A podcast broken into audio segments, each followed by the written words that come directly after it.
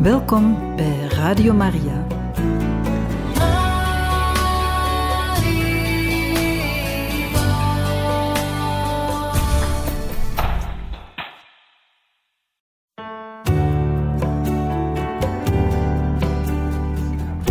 Welkom bij Radio Maria.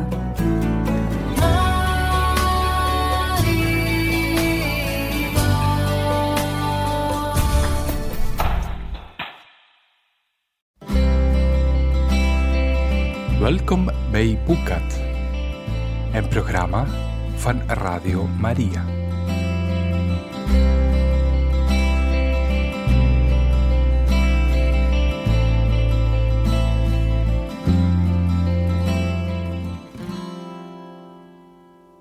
Welkom, beste luisteraars.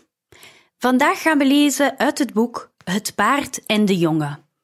Het is een derde deel, een derde boek van de Chronieken van Narnia, geschreven door C.S. Lewis. De Chronieken van Narnia, geschreven door C.S. Lewis en vertaald door Madeleine van den Bovenkamp Gordeau en uitgegeven door uitgeverij Kok in Kampen. Boek 3 Het paard en de jongen.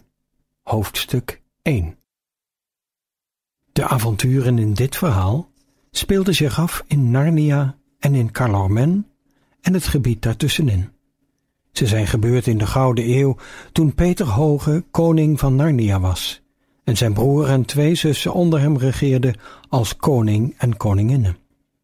Er woonde in die dagen diep in het zuiden van Calormen een arme visser aan een smalle inham van de zee. Die visser heette Archis en woonde samen met een jongen die hem vader noemde. Die jongen heette Shasta. Archis ging er meestal s ochtends met zijn bootje op uit om vis te vangen, en smiddags spande hij dan zijn ezel voor een kar, laadde de kar vol vis en reed ermee naar het dorp dat een paar kilometer verder naar het zuiden lag, om de vis te verkopen. Als de zaken goed gingen, was hij in een redelijk goed humeur als hij weer thuis kwam.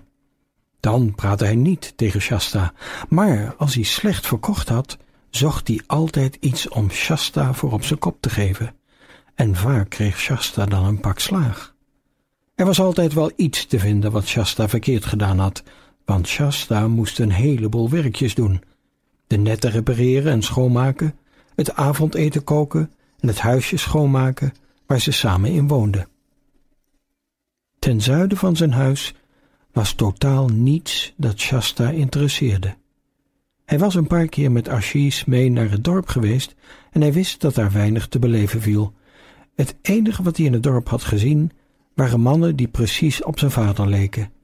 Mannen in lange, groezelige mantels en houten klompen met omhoog gekrulde tenen, met baarden en met een tulband op hun hoofd, die ellenlange gesprekken met elkaar stonden te voeren over allerlei dingen die saai klonken.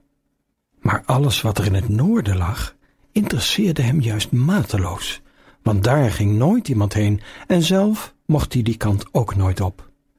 Als hij helemaal in zijn eentje buiten netten zat te boeten, keek hij vaak verlangend naar het noorden. Er was niets anders te zien dan een met gras begroeide helling, die omhoog liep naar een rechte rij heuvels. Daarboven zag je alleen de lucht, waarin soms een paar vogels vlogen.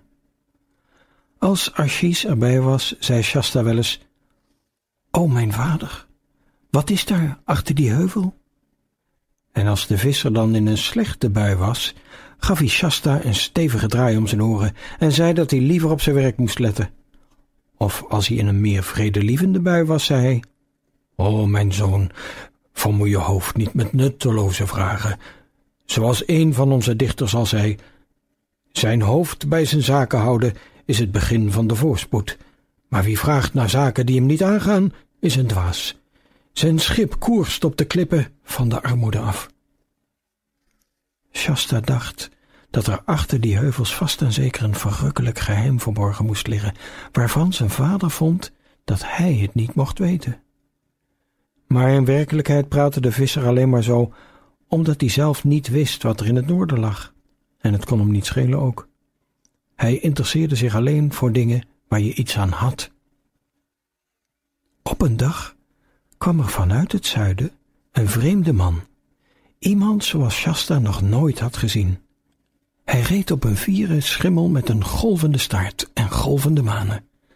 Zijn stijgbeugels en zijn teugels waren ingelegd met zilver. Uit het midden van zijn zijde tulband stak de scherpe punt van een helm omhoog en hij droeg een maliënkolder. Aan zijn zij hing een krom zwaard. Een rond schild, beslagen met koperen knopjes, hing op zijn rug en in zijn rechterhand hield hij een lans geklemd. De kleur van zijn gezicht was donker, maar dat vond Shasta niets vreemds aan, want zo zien alle mensen in Calormen eruit. Maar wat hij wel vreemd vond, was de baard van de man. Die was vuurrood geverfd en er waren krulletjes in gedraaid, en hij glom van de geurige olie.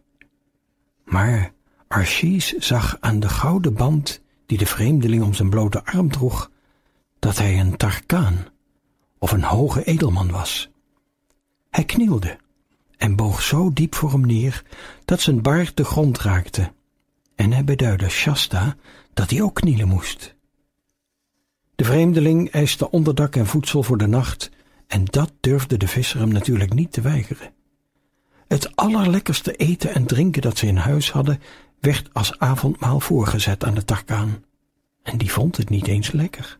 En Shasta, zo ging het altijd als de visser bezoek had, kreeg een homp brood en werd de deur uitgezet. In zulke gevallen ging hij meestal in het stalletje met het stroodak slapen bij de ezel. Maar het was nu nog veel te vroeg om al te gaan slapen.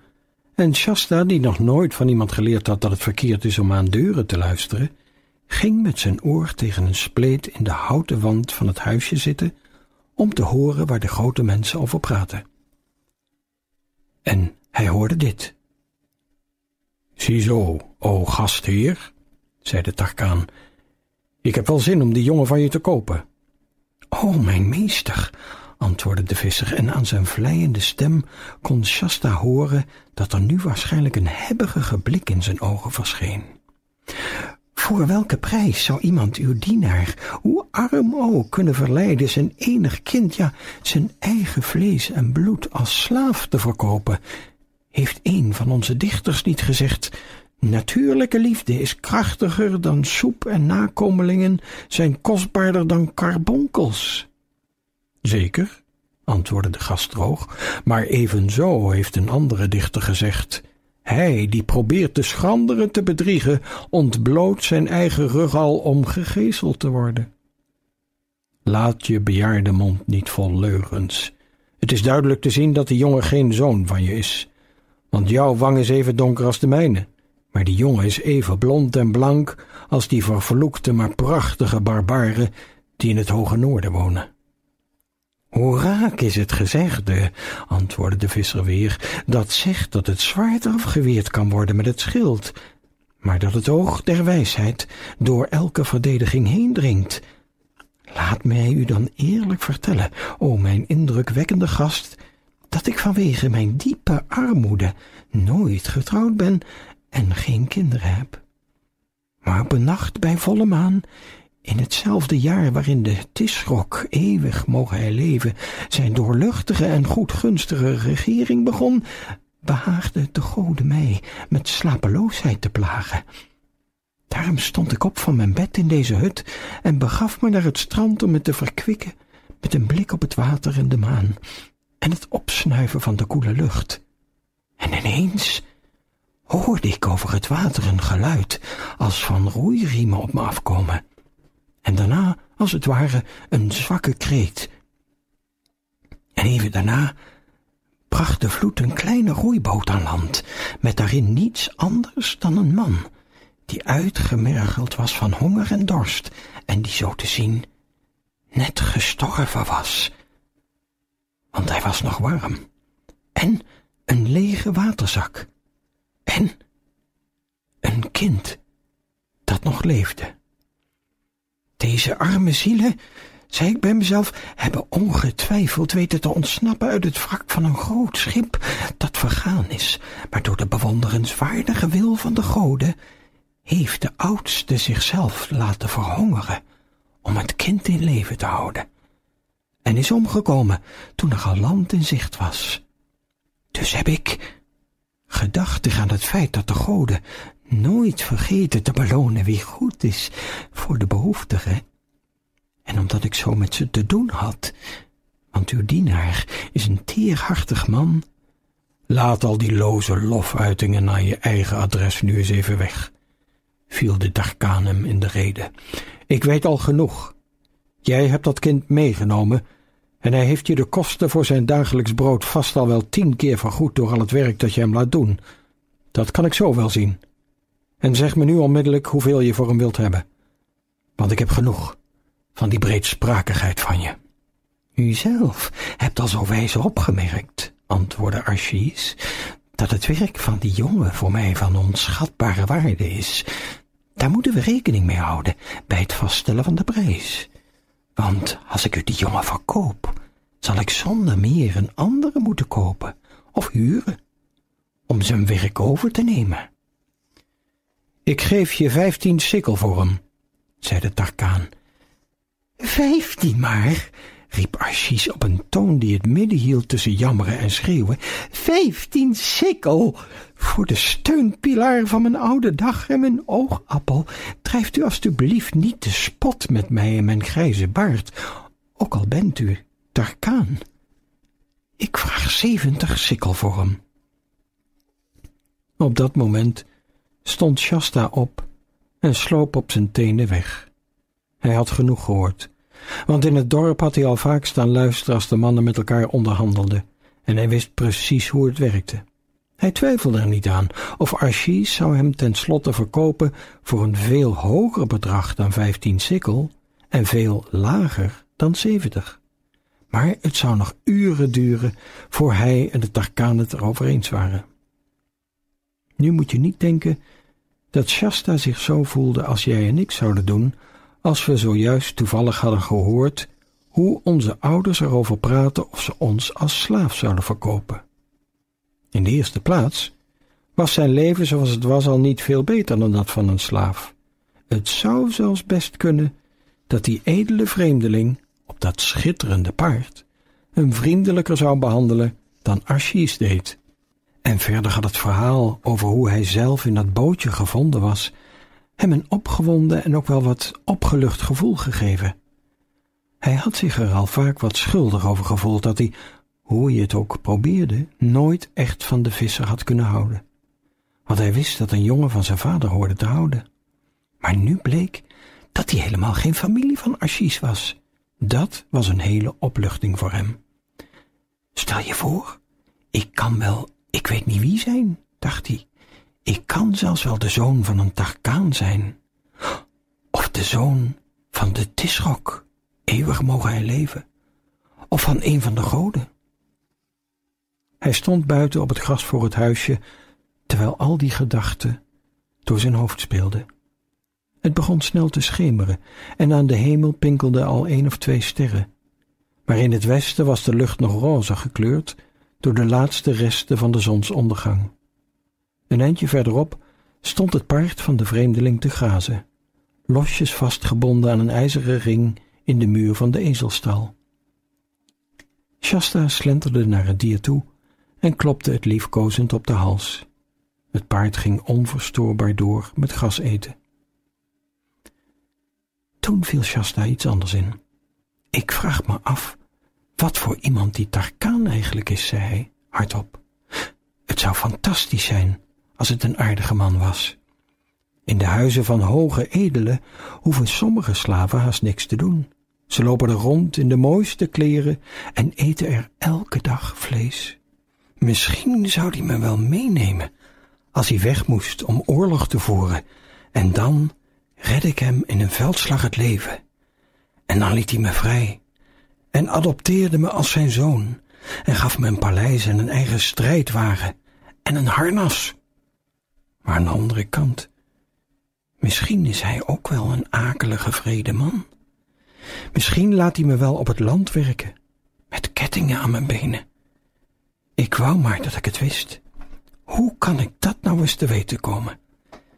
Ik wil wedden dat dit paard er alles van weet, als hij het me maar vertellen kon. Het paard tilde zijn hoofd op. Shasta aaide het over zijn fluweelzachte neus en zei: Als jij toch eens kon praten, ouwe jongen. Toen dacht hij heel even dat hij droomde, want zachtjes maar heel duidelijk zei het paard: Dat kan ik ook. Shasta staarde het dier in de grote ogen en de zijne werden van verbazing bijna net zo groot. Hoe heb jij nou leren praten? vroeg hij. Niet zo hard, zei het paard. Waar ik vandaan kom, kunnen bijna alle dieren praten. Waar mag dat dan wel zijn? vroeg Shasta. Narnia, antwoordde het paard. Het gelukkige land Narnia. Narnia met zijn heide op de bergen en zijn wilde tijm in de dalen. Narnia met zijn vele rivieren, zijn valleien waar beekjes in klauteren, zijn mosbegroeide spelonken en zijn diepe wouden die weer galmen van het gehamer van de dwergen. O, zoete lucht van Narnia te mogen inademen.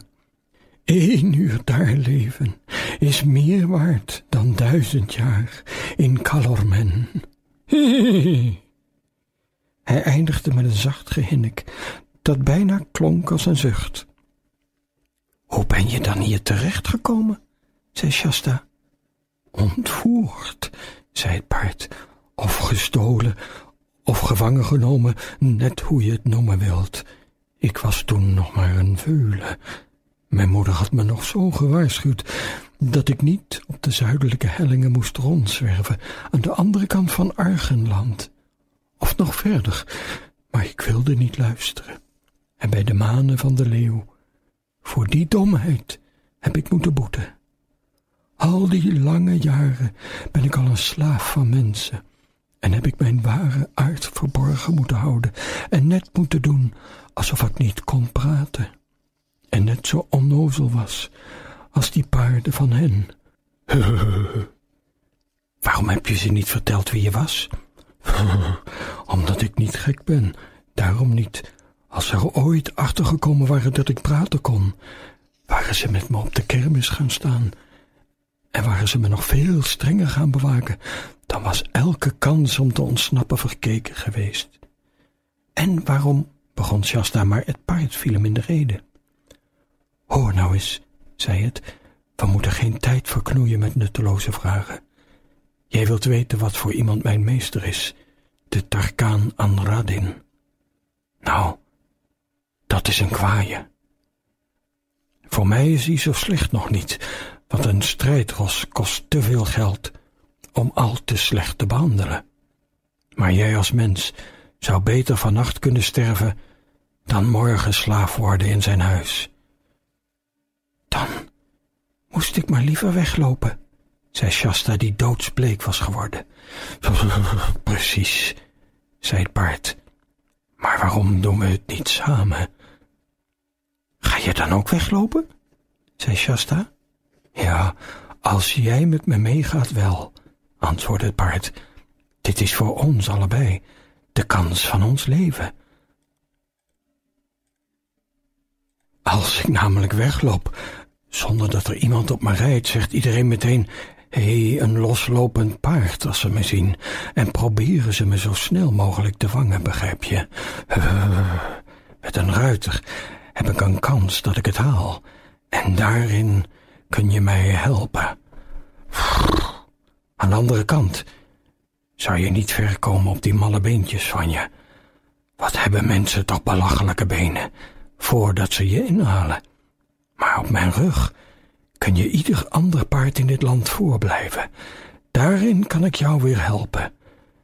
Tussen twee haakjes, ik neem toch aan dat je kunt paardrijden. Oh ja hoor, natuurlijk, zei Shasta.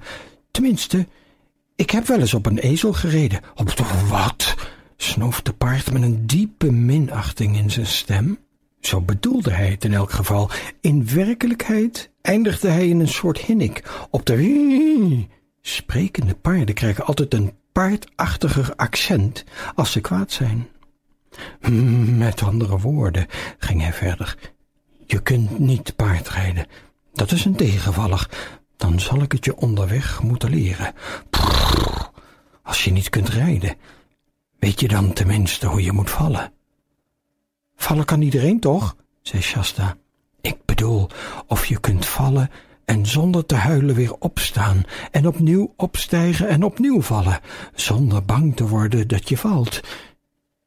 Ik, ik zal het proberen, zei Shasta. Arm klein beest, zei het paard nu wat vriendelijker. Ik vergat dat je nog maar een veulen bent. We maken van jou een prima ruiter. Let maar eens goed op. Goed, we moeten niet weggaan voordat die twee in het hutje slapen. Intussen kunnen we vast onze plannen maken. Mijn Tarkaan is op weg naar het noorden, naar het hof van de Tisrok in de grote stad Tashbaan zelf. Hé, hey, onderbrak Shasta een beetje geschrokken. Moet je er niet bij zeggen, eeuwig mogen hij leven? Waarom? vroeg het paard. Ik ben een vrije Narnier. En waarom zou ik net zo praten als de slaven en de zotten? Ik wil helemaal niet dat hij eeuwig blijft leven en bovendien weet ik best dat hij niet eeuwig kan blijven leven, of ik dat nou wil of niet. En ik kan aan jou wel zien dat je ook uit het vrije noorden komt. Laten wij twee dus onder elkaar ook maar niet meer van die zuidelijke uitdrukkingen gebruiken. En nu weer verder met onze plannen. Zoals ik zei, mijn mens was op weg naar het noorden, naar Tashbaan. Betekent dat dat wij beter naar het zuiden kunnen gaan? Ik vind van niet, zei het paard. Hij denkt dat ik net als al zijn andere paarden ben, zie je, zonder verstand en zonder te kunnen praten. Als dat zo was, zou ik, als ik losbrak, rechtstreeks teruglopen naar huis, naar mijn stal en mijn wei. Terug naar zijn paleis, dat twee dagreizen naar het zuiden ligt. Daar zal hij me zoeken. Het zou nooit in hem opgekomen zijn dat ik in mijn eentje verder naar het noorden zou gaan. En trouwens, waarschijnlijk denkt hij dat iemand hem door dat dorp van daarnet heeft zien rijden en ons hierheen gevolgd is om het te stelen. Oh, hoera! zei Shasta. Dan gaan we dus naar het noorden. Mijn hele leven heb ik al naar verlangd naar het noorden te gaan. Dat spreekt vanzelf, zei het paard. Dat komt door het bloed dat je in je hebt. ik weet zeker dat jij van afkomst een ras echte Noorderling bent. Maar laten we niet te veel lawaai maken. Ik denk dat ze nu zo wel zullen slapen. Ik zal wel even terugsluipen om te kijken, stelde Shasta voor. Een goed idee, zei het paard. Maar pas op dat ze je niet zien. Het was nu al een stuk donkerder en het was heel stil. Je hoorde alleen het geluid van de golf op het strand, maar dat drong nauwelijks tot Shasta door, omdat hij dat al, zolang hij zich kon herinneren, dag en nacht gehoord had. In het huisje was geen licht te zien toen hij er naartoe sloop. Hij bleef aan de voorkant staan luisteren en hoorde geen geluid. Toen hij er omheen liep, naar het enige raam, hoorde hij na een seconde of wat het vertrouwde piepen en snurken van de oude visser. Het was een raar idee dat hij dat, als alles goed ging, nu nooit meer zou horen. Met ingehouden adem glipte Shasta weg over het gras. Hij vond het in zijn hart ook wel een heel klein beetje jammer, maar zijn blijdschap was toch veel groter. Hij ging naar de stal van de ezel.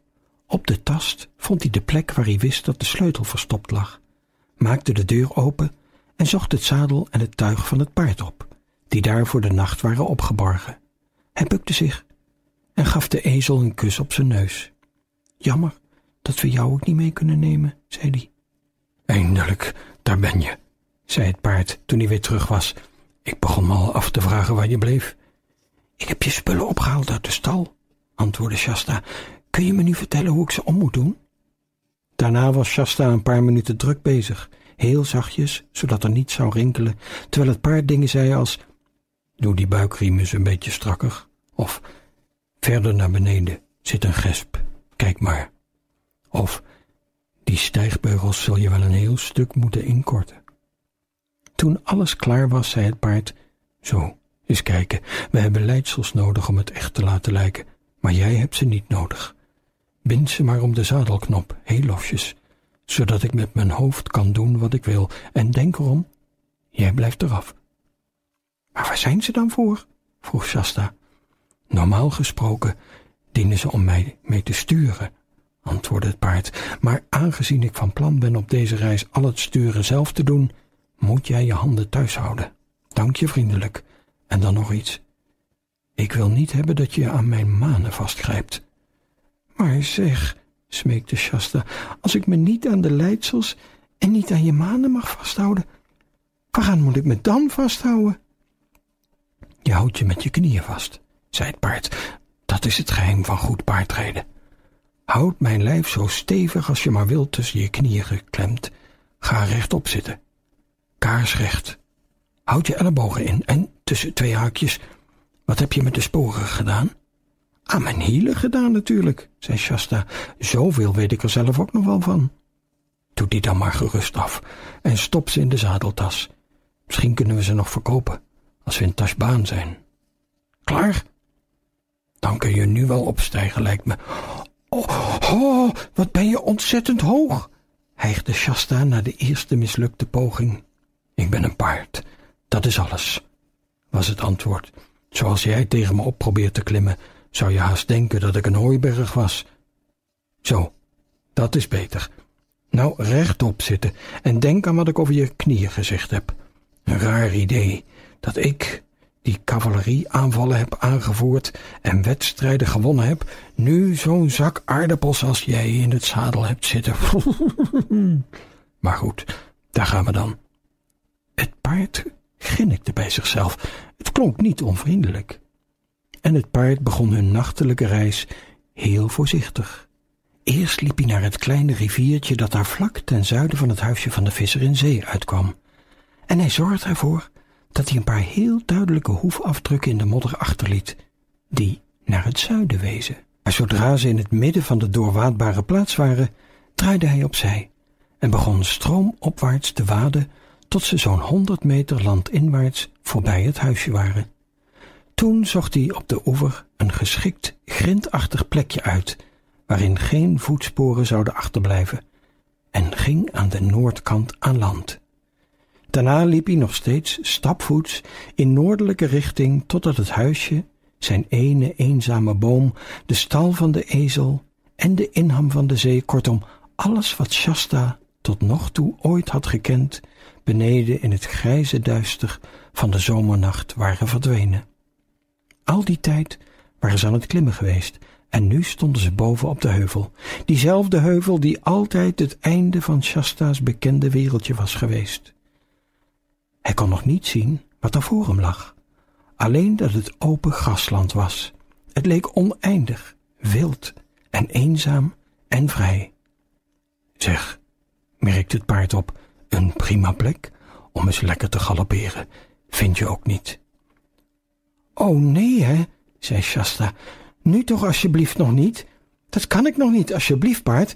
Ik weet niet eens hoe je heet. Ik wie, oh ja, zei het paard. Dat kan ik nooit allemaal uitspreken, zei Shasta. Is het goed als ik je Brie noem? Tja, als dat alles is wat je ervan kunt maken, dan moet dat maar, zei het paard. En hoe moet ik jou noemen? Ik heet Shasta. Hmm, zei Brie. Dat is nou pas echt een moeilijke naam om uit te spreken. Maar nu over dat galopperen. Als je dat eenmaal kunt, is het een heel stuk makkelijker dan stapvoet rijden. Want je hoeft er niet steeds bij op en neer te gaan. Je klemt je knieën stevig vast en kijkt recht vooruit tussen mijn oren door. Niet naar de grond kijken.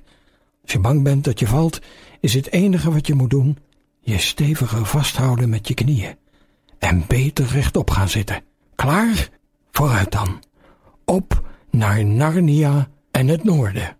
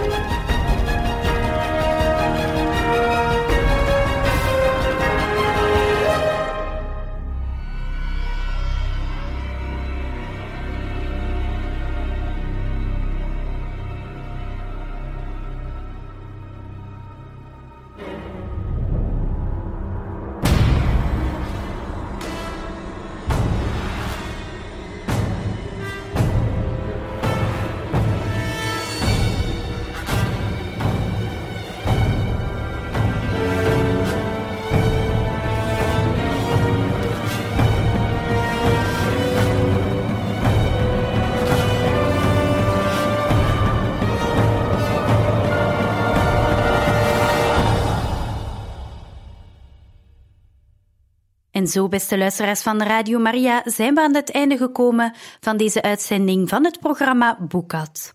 We hebben gelezen uit het boek Het paard en de jongen van C.S. Lewis, het derde boek van de Chronieken van Narnia. Tot de volgende keer.